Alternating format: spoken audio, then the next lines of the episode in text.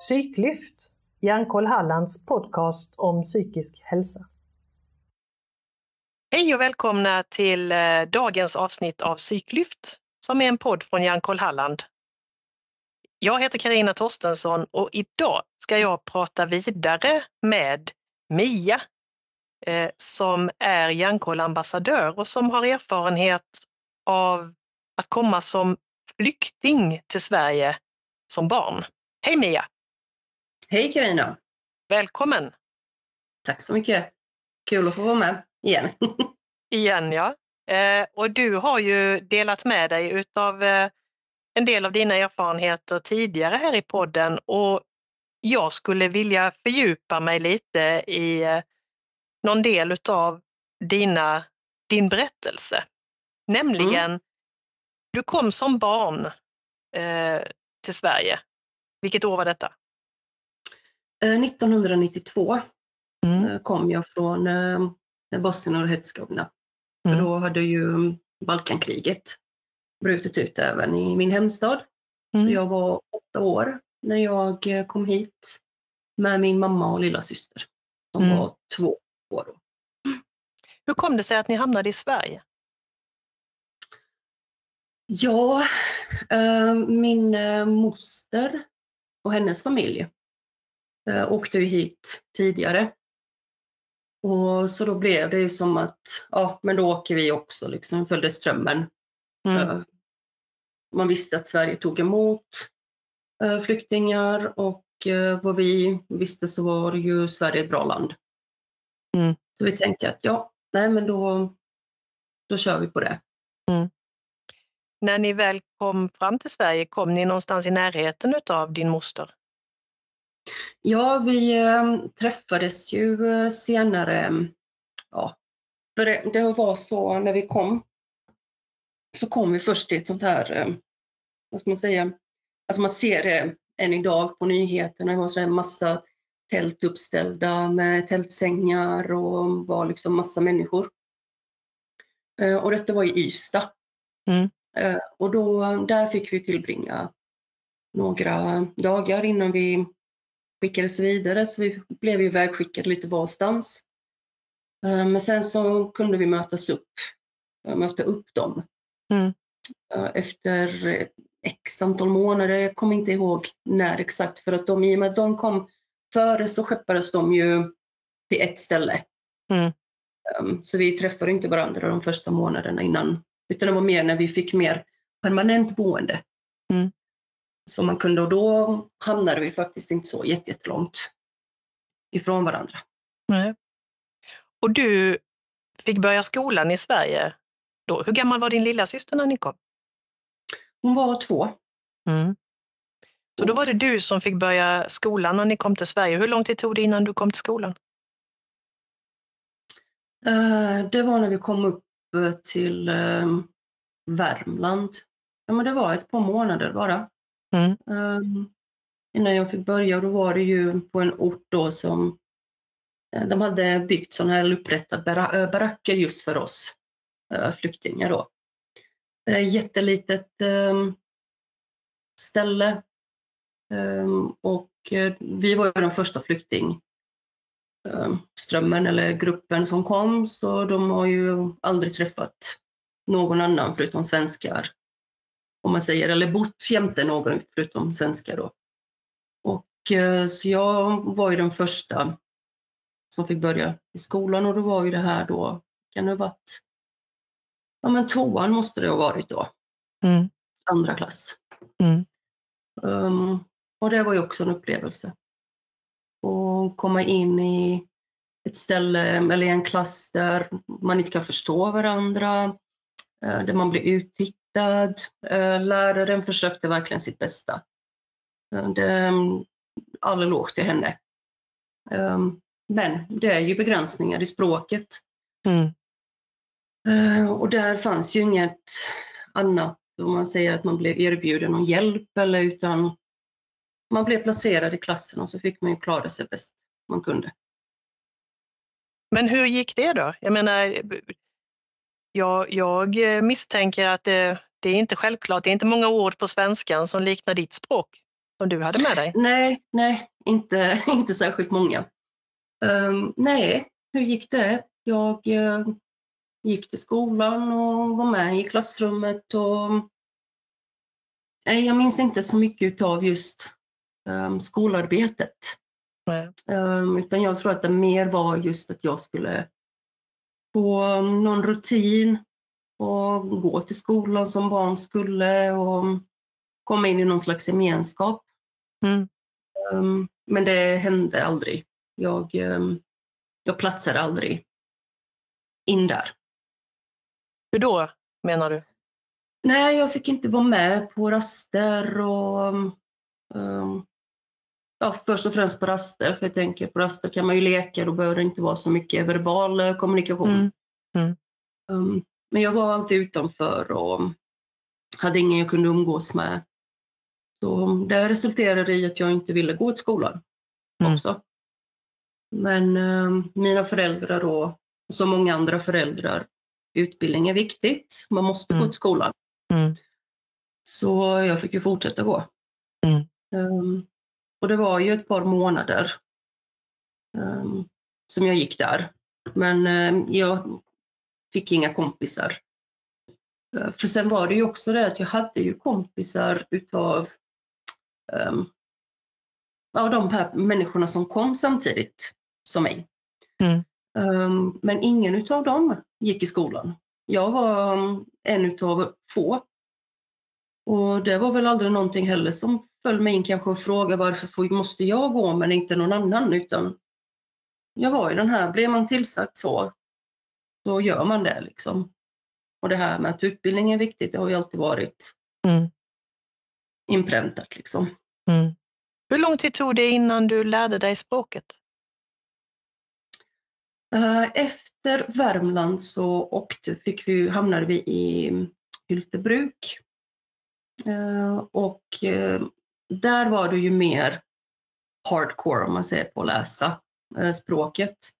Så på fyra, fem månader mm. kunde jag, för då fick jag gå i, med andra flyktingbarn. Mm. Och just att det blev som SFI om man säger. Um, svenska, där, svenska för invandrare? Då. Svenska för invandrare, ja. Mm. Precis. Mm. För då var det ju fokuserat på att just att lära sig språket. Mm. Så det gick ju rätt så smidigt, fyra, fem månader kanske. Mm. Och sen uh, kunde jag placeras i en uh, vanlig klass. Mm. Så de där första månaderna i Värmland och i värmländska skolan var egentligen eh, mer plåga än någonting annat? För du, ja. kom inte in och, och, kunde inte hänga med i undervisningen heller? Nej, nej. Utan det, det, var som sagt, jag tror att det bara var just att få in den här rutinen att ett barn ska gå i skolan och så, så, så ska det vara. Mm. Men eh, jag fick ju ingen, eh, jag fick ingen stöd i skolan där, mer än att återigen, läraren gjorde verkligen sitt bästa. Mm. Hon försökte och hon eh, var den som var med mig på rasterna till exempel när alla andra barnen lekte för sig själva och, eller med varandra. Um, så hon gjorde ju det hon kunde. Mm. Och när du sen kom till en, en eh, vanlig klass där, där du då kunde ingå och följa undervisningen på ett annat sätt antar jag eftersom du kunde språket. Så mm. hur, hur funkade, jag tänker kontakten mellan skolan och hemmet är ju och var ju redan då och framförallt då kanske en, en väldigt viktig del att eh, mm. föräldrar ska vara delaktiga och man ska komma på utvecklingssamtal och, och annat. Hur, hur funkade det? Kunde dina föräldrar svenska? De gick ju också på SFI, Svenska för invandrare. Eh, men pappa fick ju jobb rätt så snart eh, vi hade flyttat till Hyltebruk. Så han fick ju avbryta de studierna då, så han fick, han lärde sig på jobbet. Mm. Um, men det här med utvecklingssamtal och ärligt talat nu när du nämner det, jag har inget minne utav att jag har haft något. Jag vet att det måste ju ha varit någonting. Mm. Um, jag hade ju en favoritlärare då. Och jag vet att han hade ju kontakt med mamma och pappa också och så här. Och Men um, inte som det är nu, man säger att man sätter sig ner och pratar om mål för kommande läsår. Och, men ja, det fanns uh, kontakt. Mm. Det Mm. gjorde. Och din lilla syster då, som, som var två år, eh, hur lärde hon sig språket? Pratade ni svenska någonting hemma? Nej, nej, det gjorde vi inte. Eh, hon eh, fick ju börja på, hos en eh, dagmamma. Mm. Det var ju rätt så vanligt på den tiden. Ehm, men jag vet att hon trivdes inte så mycket där, men ehm, det var ju som det var. Så hon fick ju ändå liksom gå. Och hon Mm. lärde ju sig, det var, ju, det var betydligt enklare för henne. Mm. ehm, I och med att, för att hon var så pass liten. Mm. Ehm, och sen så kom det ju med förskola och allting så det kom ju på, på ett naturligt sätt för Mm. henne i språket. Du har nämnt tidigare att, att du fick eh, vara mellanhand mellan dina föräldrar och eh, olika instanser när, när ni behövde åka någonstans för att få ja, hjälp eller stöd eller insatser på olika sätt då, som man, vården eller vad det nu kan vara för någonting. Mm, mm. Hur, gick- hur gick det till? Var det, var det språkförbistringar som gjorde att eh, det behövdes en mellanhand eller hur funkade det och var var detta någonstans? Ja, um, ofta så var det ju om det var till exempel ehm, telefonsamtal ehm, till till exempel sjukvården så var det ju jag som fick ta och prata med mamma sittandes eller pappa jämte mig och säger om vad jag ska säga och så översätter jag det. Mm.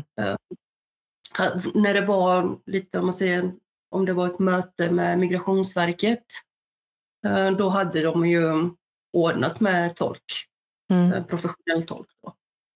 Eh, Men inom sjukvården, eh, skolan då om det var någonting. Um, Så det var ju jag som var den man säger, som fick bryta den barriären eller om man säger att var, ja, var översättaren i det hela. Och du var då alltså 8-9 år någonting? Ja. Men jag menar i, i vården, där kan det ju förekomma samtal som är sekretess, alltså det kan ju vara, det kan vara jobbiga samtal och annat. Men det var alltså du som fick sköta den konversationen? Ja, alltså jag tror att det var mer de enklare konversationerna liksom. Eh, För jag vet att min eh, syster fick opereras när hon var liten. Ehm, och då kunde jag inte vara den som eh, satt och förmedlade liksom emellan utan då hade de ju um, akut skaffat en tolk. Mm, mm. Ehm, Men om det var vanliga, till exempel om min syster till exempel hade ont i örat så var det jag som följde med mamma och min lilla syster och förklarade då för läkaren vad det handlade om. Ehm, eller om det var um, jag själv, okej jag själv då självklart, men eh, om det var pappa som behövde någon hjälp med översättaren, vad ska man säga, dokument eller någonting, ehm, så var det ju jag som Mm. bistå. Det måste ha tagit jättemycket tid och energi från dig. Ja, jo men det... Ärligt talat, jag vet, jag är ju, har ju varit van vid det. Mm. Sen jag var så liten så att jag, jag vet inte skillnaden mot om jag inte hade varit en sån. Det var ingen i sjukvården som reagerade på att det var en 8 eller 9-åring som, som ringde in? Eller som svarade? Nej, nej, inte. De frågade ju om föräldern. Mm. Eh, Men då när man sa att föräldern satt jämte och inte kunde språket, ja, då var det liksom, Mm. då var det okej. Ja, det låter som en tung börda att bära när man är ett barn. Jo, men det var det, för man, jag hade ju ändå allt det här vad det innebär, innebar att vara ett barn. Um, så det var väl lite tyngre än vad man hade behövt. Men Mm. sen vet jag ju också nu när man har blivit vuxen att um, det var ju aldrig mina föräldrars avsikt att på något sätt, eh, vad ska man säga, um, lägga för mycket börda på mina axlar. Eller, utan det blev så omed, omedvetet från deras sida också. Mm. automatiskt så tänker man att ah, men Mia, du kan ju, du förstår ju vad, vad säger han? Mm. Eller kan du säga detta? Och så blir det ju en vanlig vardagsgrej. Mm. Eh, Men sen självklart, de lärde ju sig språket och de kunde ju allt mer och mer. Um, Allt eftersom tiden gick. Mm. Eh, Men den första perioden var det ju mycket jag. Mm. Vad, fanns det något annat så som du kände som förtog din möjlighet att vara barn när du kom som flykting till Sverige? Ja, men med tanke på att vi hamnade ju på sådana ställen eh, på mindre orter, vilket jag är tacksam för idag. Ehm, Men just då så var det ju jobbigt för att då fanns inte den här eh, mentaliteten med att ja, men nu kommer det en eh, tjej som eh, har haft det svårt och sånt. Ja, men nu tar vi och inkluderar henne så hon kan vara med och leka med oss. Um, eller vi gör detta och detta och detta, eller vi bjuder med henne till någonstans. För jag kände mig väldigt ensam Mm. under väldigt lång period. Mm. För när vi kom till Hyltebruk så var inte- det heller något. Um, det var ju också att man kände sig som en liten ja, utbörling. För det var inte i Hyltebruk fanns inte heller så mycket invandrare eller Nej. flyktingar. Nej. Så det var en sån där sak som följde med rätt så länge. Mm.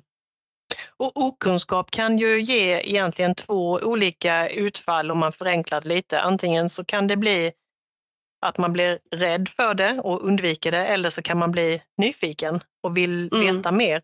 Mötte du nyfikenhet någonstans? Ja, du. Inte så här på rak arm, Nej. vad jag minns. Um, nej, inte så. Det var aldrig att någon um, utav klasskompisar till exempel frågade bara, men var kommer du ifrån och eh, vad pratar du för språk eller varför kom du hit eller nej, det var inget, inget sådant. Och du fick inte möjlighet i skolan heller vid något tillfälle att eh, berätta som, som läraren tog initiativ till? Nej, utan man fick, du vet ju när man, som, man kommer som ny i klassen så, ja men det här är Mia och hon ska börja här och hon kommer från eh, Bosnien och Herzegovina och ja, så var det inte så mycket mer med det. Mm. Eh, Men det var ju också skönt på, väl, på ett sätt för att inte behöva stå och framför klassen och säga att ja, men jag kommer från kriget och si och så. Men det hade varit skönt att ha haft någon att leka med på rasterna. Såklart. Mm.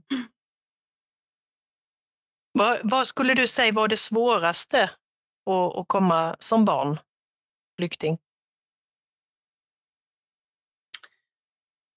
Eh, ja, jag hade ju ändå den... Alltså jag kom ju med min mamma. Jag tänker på de barn som idag kanske kommer utan föräldrar eller utan någon vuxen. Så jag ska inte... Jag hade det rätt bra på så sätt. Ehm, men just det här att lämna allting som, som man kände till. Mm. Uh, allt det som man var van vid. Och komma till ett land där allting var främmande. Mm. Jag tänker en sån sak är tillräckligt jobbig för en vuxen människa. Mm. Um, och så har vi då barn som befinner sig i ett sånt skede där de söker efter sin egen identitet och bygger upp ett um, självförtroende och självkänsla. Um, så det var nog det svåraste för att man fick ju ändå lite identitetskris Mm. där, om man säger för man visste inte riktigt vem man var eller vem man skulle kunna vara eller bli. Nej. Jag kan ju lätt föreställa mig att det blev eh, svårt att, att hitta sin identitet i detta och även som du nämner självkänsla. Eh, Mm. Hur påverkade det dig mer konkret? Kan du ge något exempel? Jag har eh, tänkt att om man blir eh, utsatt för vissa grejer, liksom, som det här då att jag var den som fick ta kontakt och var den som fick tala. Um, så tänker man att ja, men det borde ju stärka en. Uh, för man tänker sig, ja, ja men det är ju mycket um, som man får liksom utmana sig Mm. själv. Mm. Och, och tänker sig, ja men då ska ju det stär- kunna stärka en. Men för mig har det verkat precis tvärtom. För att jag har inte blivit mer självsäker efter eh, de telefonsamtalen eller de besöken till exempel. Eller, utan för mig var det nästan som en, byggdes det ännu mer osäkerhet. Jag vet inte riktigt om hur man ska kunna förklara det men jag kände mig osäker helt enkelt. Jag hade dålig själv, självkänsla. Och, och jag kan ju föreställa mig att det ansvaret som du kanske kände att du fick, då blir man osäker på, gjorde jag rätt, sa jag rätt, förstod Ja. de vad jag menar? Mm. Precis. Mm. precis.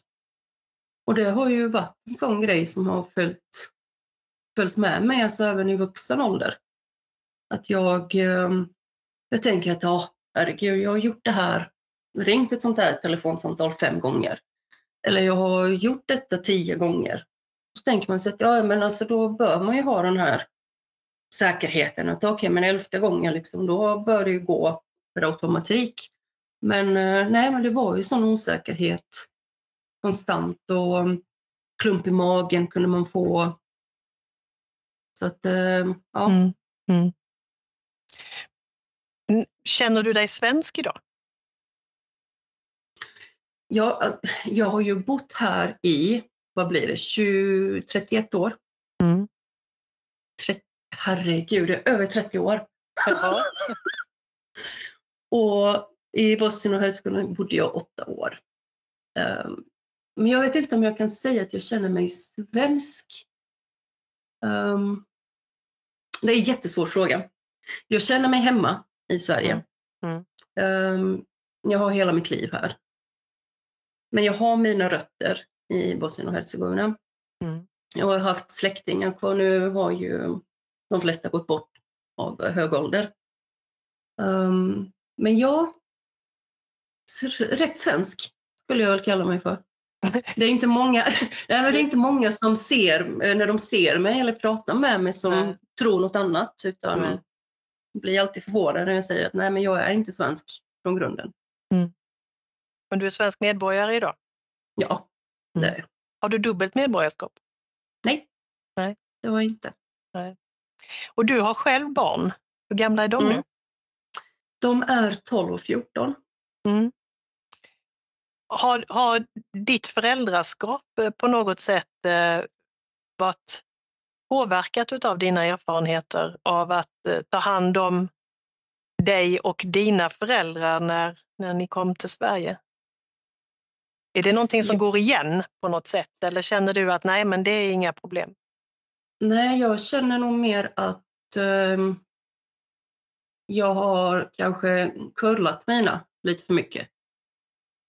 Men det behöver man ju Um. inte ha den erfarenheten. Det finns många genomsvenska Ja, föräldrar men, jo, jo, men absolut. Ja. absolut. Ehm, men det är väl mer att jag har gått åt andra hållet då, om det ska vara mer. Mm. Eh, för då, jag vet inte, kanske har varit det här undermedvetet att man tänker att nej, men de ska få vara barn. Mm. Ehm, sen självklart så um, har det kanske slagit lite fel då, för om jag har kullat eh, sonen som är 14 år lite för eh, bra så, ja, så finns det ju tonvis med glas och tallrikar uppe på hans rum liksom. Men eh, nej, men jag har försökt att liksom låta dem få vara barn. Mm. Um, men nu låter det nästan som att när jag säger kurlar så det är inte på det sättet liksom att de inte är kapabla till någonting. Men jag har väl velat att de ska få vara barn så mycket de, eller så länge de kan. Mm. Om man säger. Och jag kan föreställa mig, men jag vet inte om, det, om, du, om du skulle köpa det förslaget, men att om, med, den, med den erfarenheten du har så är det Mm. lätt, skulle jag kunna tänka, och, och tänka att ja, ja, men lite glas och tallrikar, det är väl ingenting att, att bry sig om. Det, kunde, alltså det finns det som är värre. Mm, mm. Ja, absolut. Mm. Det, jo, men det har jag haft det tänket också väldigt mycket. Men nu försöker jag ändå liksom att tänka att ja, men det jag har varit, eh, varit med om och det mina barn lever nu, det är två skilda saker. Jag vill liksom att ändå att de ska ha... Jag, jag har pratat med dem väldigt mycket om hur det var när jag var barn och hur det var när jag kom till Sverige och allting som man har varit eh, med om. Så de är ju fullkomligt medvetna om att alla barn har inte samma eh, möjligheter. Nej. Um, så att jag försöker ju lära dem att vara de här ödmjuka, men ändå vara självständiga Mm. så gott eh, det går. Um, men ändå ligger jag på sonen att han ska ta ner sina glas och tallrikar. Mm.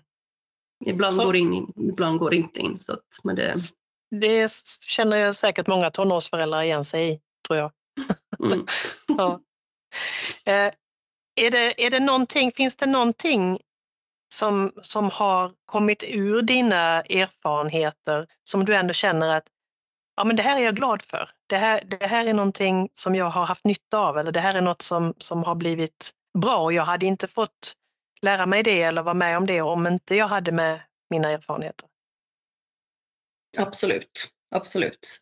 Um, jag har um, jättebra kontakt med mina föräldrar och min lilla syster. Och ehm, vi är inte alltså speciella på något sätt, men man har varit med om så mycket ehm, under de här åren. Och man känner varandra, man stöttar varandra.